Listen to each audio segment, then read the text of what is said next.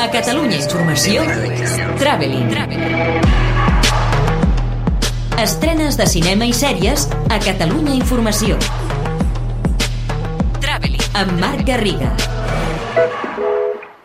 You are by far the most excruciating, difficult, stubbornly obnoxious woman I've ever met in my entire life. I fucking love you.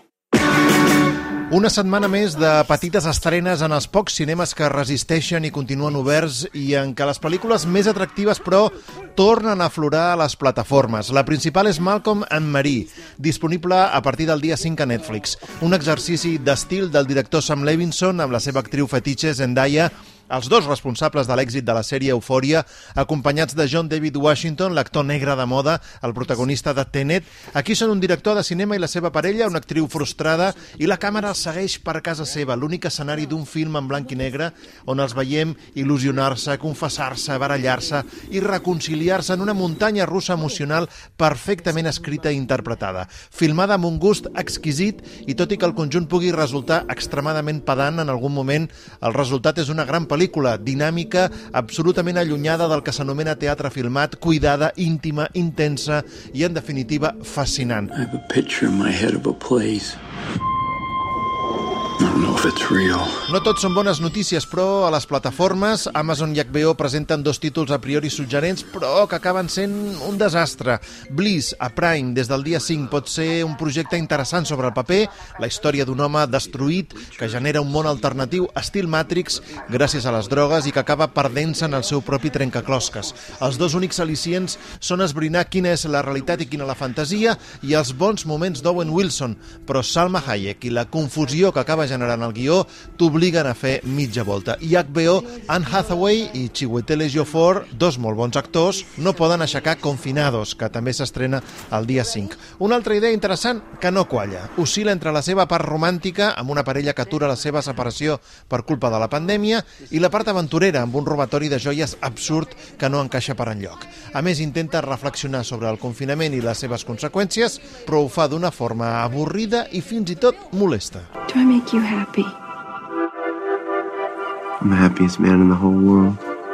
Una altra proposta, alternativa, Swallow, que Movistar Plus estrena el dia 9, un film pertorbador sobre una dona que es reafirma menjant petits objectes cada cop més perillosos, una retorçada alegoria sobre el dret a l'avortament amb una magistral Haley Bennett, una cinta angoixant, imprevisible i inoblidable, un film de terror feminista molt original. I lligat d'alguna manera trobem a Netflix un interessant documental, Desnúdate, Revélate, sobre una sèrie de dones que volen deixar enrere traumes relacionats amb els seus cossos a través de la pole dance. Molt curiós. When I close the door, I start to paint. That's my universe. Als cinemes arriba La pintora i el ladrón, un altre documental precedit d'un gran èxit a Filmin, però que acaba sent menys de l'esperat. És la història d'una pintora dolguda pel robatori de dues de les seves obres més estimades, que inicia una amistat amb un dels lladres. La confluència de dues personalitats complexes, dues ànimes perdudes, genera moments apassionants, és veritat, però el film també té un cert regust de falsificació. No acaba de ser creïble del tot, perquè no ho mostra tot. Malgrat això, val la pena. El que sí que és obligat és recuperar dues obres mestres, El Chico, de Charles Chaplin, en la seva versió millorada en 4K, que arriba amb motiu del centenari de la seva estrena, i 2046, de Wong Kar-wai, el film que va reinventar les pel·lícules romàntiques. ¿Te pongo un poquito más de agua? Eh. Vaya regalo, ¿eh? En sèries eh, insistim en la necessitat de veure Vitals, que arriba el dia 7 a HBO.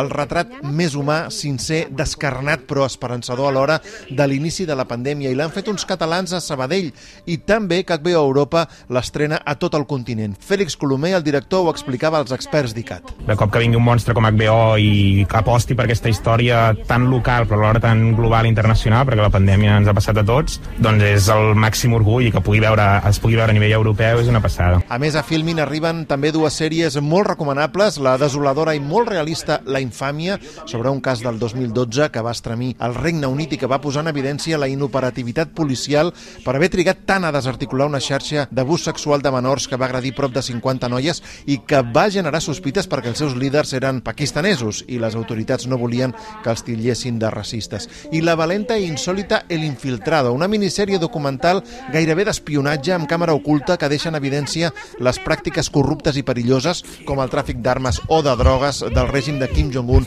a Corea del Nord i també del seu representant aquí, Alejandro Cao de Venos. Traveling.